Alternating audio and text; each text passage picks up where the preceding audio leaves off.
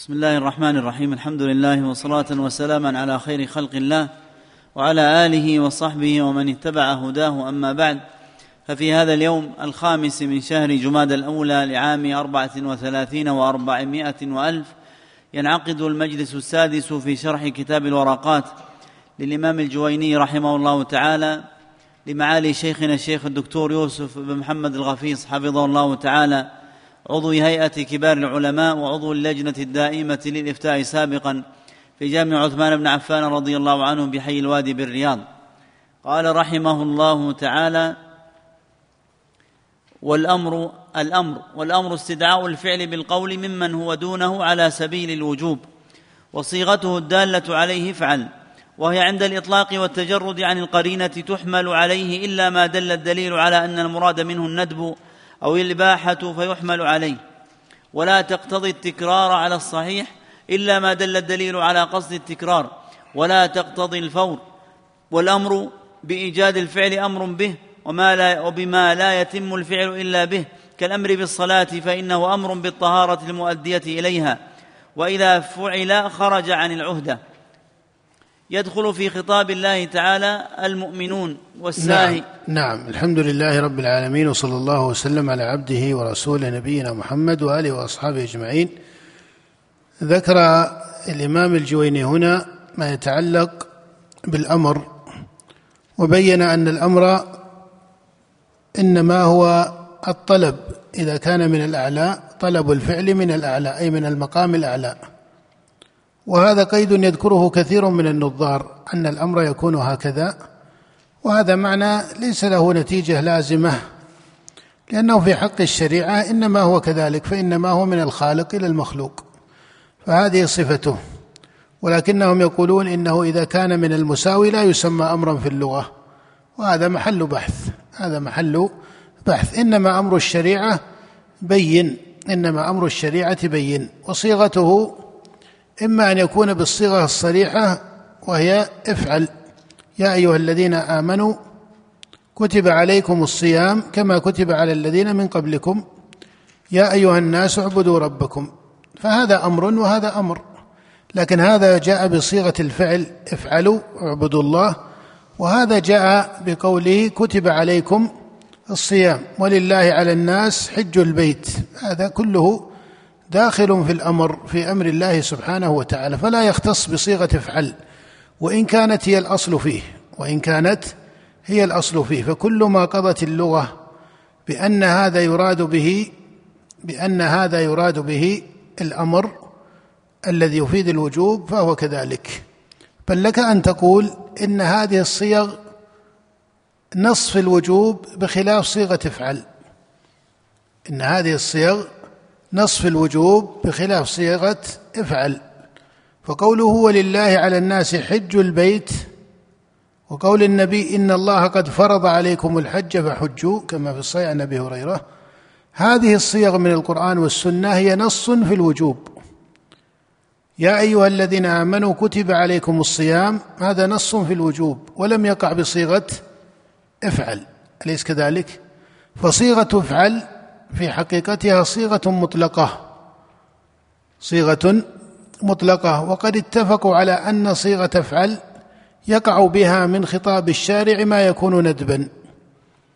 ويقع بها من خطاب الشارع ما يكون اباحه. ويقع بها من خطاب الشارع ما يكون وجوبا. أما الوجوب فظاهر. يا أيها الناس اعبدوا ربكم هذا على سبيل الوجوب والفرض. وما يكون ندبا صلوا قبل المغرب فإن هذا أمر وهو للندب وما يكون إباحة فإذا حللتم فاصطادوا. وهذا الصيد بالإجماع أنه ليس مشروعا في النسك وإنما هو مباح. وإنما اختلفوا بعد ذلك فهذا يفيد أن صيغة افعل الأصل فيها الإطلاق عند الجمهور من أهل الأصول. الأصل فيها الإطلاق. وهذا الإطلاق هو الذي سموه التجرد هو الذي سموه التجرد.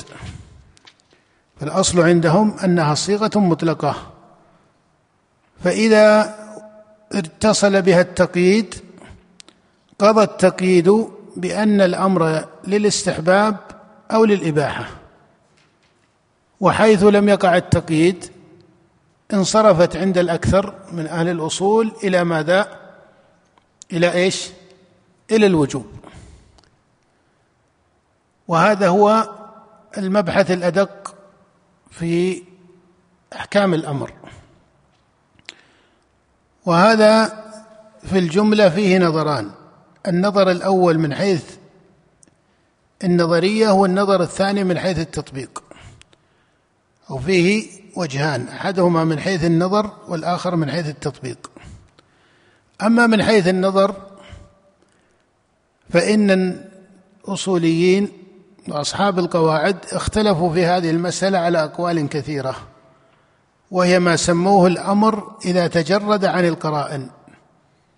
هل يدل على الوجوب أو على الاستحباب أو يكون مشتركا أو ماذا؟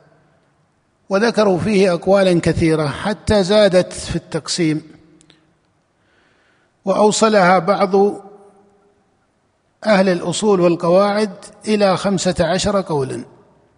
كما ذكر ذلك ابن اللحام في القواعد فإنه ذكر ما يقارب الخمسة عشر قولا أو خمسة عشر. فالقصد أنهم زادوا في تعديد هذا في تعداد هذه الأقوال. وإن كان الجامع من هذه الأقوال المذكورة في كلام الأصوليين قليل. ولا يصل إلى هذا العدد لكن على التقسيم وعلى. وهذا يدلك على أن المسألة صار فيها كثير من المحاكاة النظرية. ولكن الذي يحكى عن الجمهور من أهل الأصول أن الأصل في الأمر إذا تجرد أنه يفيد ماذا؟ أنه يفيد الوجوب. أنه يفيد الوجوب إلا بقرينة. ولك أن تقول أن الأمر أن صيغة افعل مطلقة فحيث لم تقيد فإنها تدل على الوجوب. فإذا قيدت بما يفيد الاستحباب والإباحة تقيدت به.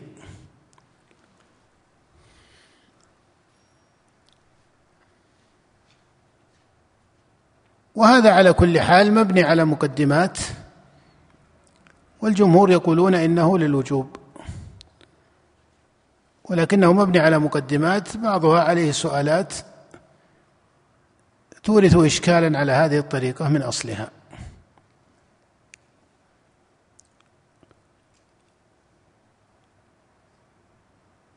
النظر الثاني من جهة التطبيق. فإذا صححت بطريقة الجمهور أو بعبارة أدق إذا صححت الطريقة التي نسبت للجمهور إذا صححت الطريقة التي نسبت للجمهور وهو أن الأمر المجرد أن الأمر المجرد يدل على الوجوب إلا لصارف أو لقرينة أو لتقييد. فإن الفقه الواسع إذا صححت هذه المقدمة مع أنها مقدمة عليها سؤالات. مقدمة عليها سؤالات لكن إذا صححتها فإن ليس السؤالات على حكمها فقط السؤالات على تصورها قبل الحكم. وهذا موضوع فيه طول والرسالة التي نشرحها رسالة مختصرة. ولعله يأتي فيما بعد في بعض دروس الأصول المطولة البحث فيها أوسع. الشاهد أن النظر الثاني يتعلق بأنك إذا صححت هذا التصور وهذا الحكم المنسوب للجمهور وأن الأمر المجرد يكون للوجوب إلا لصارف أو قرينة أو مقيد عن ذلك فإن الفقه الواسع هو في فهم إيش؟ في فهم الصارف وفهم القرينة فهذا هو الذي يقع فيه ضيق كثير هذا هو الذي يقع فيه ضيق كثير ويقع فيه لبس كثير لأن بعض الناظرين في هذا الترتيب الأصولي يتطلب في الصارف أن يكون صارفا فصيحا بينا ويكون نصا. وهذا ليس بالضرورة أنه يكون كذلك. قد لا يكون الصارف نصا معينا وإنما اعتبار بكلي في الشريعة أو اعتبار باستصحاب أصل أو ما إلى ذلك. وأنت تعرف أن الشريعة مبنية على القواعد والقواعد هي مبنى كثير من الأدلة المستنبطة المختلف فيها.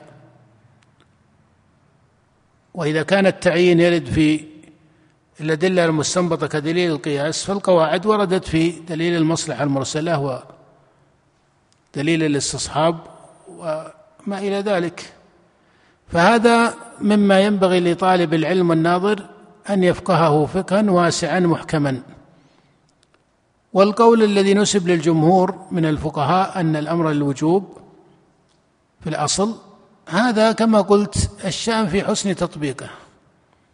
الشأن في حسن تطبيقه وفهم المقصود من القرينة والمقصود من الصارف. ولذلك ترى أمرا من أمر النبي صلى الله عليه وسلم حمله عامة أهل العلم على أنه للاستحباب مع أنك لو طلبت صارفا على سبيل النص ما وجدت صارفا صريحا على سبيل النص. مثل ما جاء في حديث صلوا قبل المغرب قالها ثلاثا قال في الثالثة لمن شاء فهذا صريح في أن هذا الأمر لولا أن أشق على أمتي لأمرتهم بالسواك فعلم أن السواك مأمور به لكنه ليس على سبيل الوجوب. وهذا الحديث لولا أن أشق على أمتي لأمرتم مما استند إليه كثير من أهل الأصول أن الأمر يدل على الوجوب لأن النبي قال لأمرتهم. هذا على كل حال يرد عليه ما يرد لأن السواك مأمور به. المهم هو حسن تصور المسائل قبل النظر في أحكامها. حسن التصور للمسألة قبل النظر في حكمها. هذا هو المهم في الموضوع. لماذا حتى لا يقع طالب العلم في التطبيق فيتوهم في كثير من الأمر ويقول هذا أمر ولا أعلم له صارفا؟ والأمر يدل على إيش؟ يدل على الوجوب. ثم يرى أن الجماهير من الفقهاء الذين مذاهبهم رتبت اصوليا رتبت مذاهبهم اصوليا عند أصحابهم على أنهم يقولون الأمر الوجوب كنتيجة منطقية. لماذا هؤلاء الجماهير ما عملوا قاعدتهم؟ فأنت أخذت قاعدتهم ثم لما جئت تطبقها أنت طبقتها وهم لم يطبقوها. هذا إذا عرض في مسألة محل نزاع احتمل. لكن إذا رأيت الجماهير الذين نسبت القاعدة إليهم أن الأمر الوجوب يخالفونك في التطبيق قاطبة معناه أن ثمة خللا في فهم هذا العارض على قول الجمهور في فهمه لمعنى القرينة والصارف والمقيد ونحو ذلك. وكما قال الإمام الزهري رحمه الله إن نقول في المسائل وليس كل شيء نجد فيه الإسناد. الشريعة تحتاج إلى سعة فهم وسعة فقه في معرفة قواعدها ومعرفة مقاصدها ومعرفة دلالة النصوص المعينة والنصوص المطلقة عن المقيدة والعامة عن الخاصة إلى آخره مما هو معروف في تراتيب الاستدلال وطرق الاستدلال. هذا كله مقصود حتى لا يتوهم طالب العلم في بعض الأمر فيقول إنه على سبيل الوجوب وبعض النهي فيقول على سبيل التحريم ويرى أن العامه من أهل العلم على خلاف ذلك. فهذا يدل إما على أن الأصل عندك غير صحيح وإما على أن التطبيق إيش؟ غير صحيح. أما لو قلت في مسألة إنها للتحريم والخلاف فيها مشهور هذا احتمل. أنهم متنازعون في وقوع الصارف من عدمه لكن إذا وجدت العامة مطبقون على خلاف ذلك حتى ربما يقول بعض محققيهم من المتأخرين لا نعلم فيه خلافا. وتجد أن من تسمى بهذا القول الثاني إنما هو نزر على أصول مختصة كالظاهرية فحسب. فاختص به الظاهرية. لو أنك قلت رجحت قولا على أصل عند الظاهرية وهو ترك القياس مثلا وأنت ترى ترك القياس لصار منسجما وإن كان في من حيث التصحيح ليس صوابا لكن من حيث الانسجام العلمي في نوع من الانسجام. لكن أنك تقول هذا أصل الجمهور واضح؟ هذا أصل الجمهور ثم تأخذ بقول الظاهرية. هذا مثل من يقول أحيانا إنه يقوي طريقة الحنفية في القياس ويمنع طريقة الظاهرية ثم إذا جاء لفرع مبني على هذا التقعيد راح يصوب قول الظاهرية يقول عملا بدليل القياس كما رجحه ابن حزم. هذا ما يأتي لأن ابن حزم هنا على خلاف أصلك. إلا أن يكون ماخذ ترجيح قول الظاهرية معتبر آخر. فالشاهد أنه مسألة الأمر للوجوب والنهي للتحريم هذا فيه تصور وفيه حكم وفيه إيش؟ وفيه تطبيق. أقلها عناية البحث بالتصور. في تصور ما معنى الأمر المجرد؟ هذا تصور. الحكم ما هو؟ الأمر المجرد يدل على الأمر المجرد يقتضي الوجوب. يقتضي الوجوب هذا هو الحكم. الثالث إلا لقرينه لصالح. الثالث التطبيق لهذه القاعدة. فأحيانا يفوتك التحقيق في فهم التصور الصحيح أو فهم الحكم أو فهم تطبيق الحكم أو فهم تطبيق الحكم. فهذا ما يتعلق بمبحث الأمر. ثم ذكر أبو المعالي أن الأمر لا يفيد التكرار ولا الفور وهذه مسألة خلاف. هذه مسألة خلاف. هل الأمر يدل على التكرار ويدل على الفور أو ليس كذلك؟ أما مسألة التكرار فالرجحان فيها بين أن الأمر لا يدل على التكرار من حيث هو مطلق.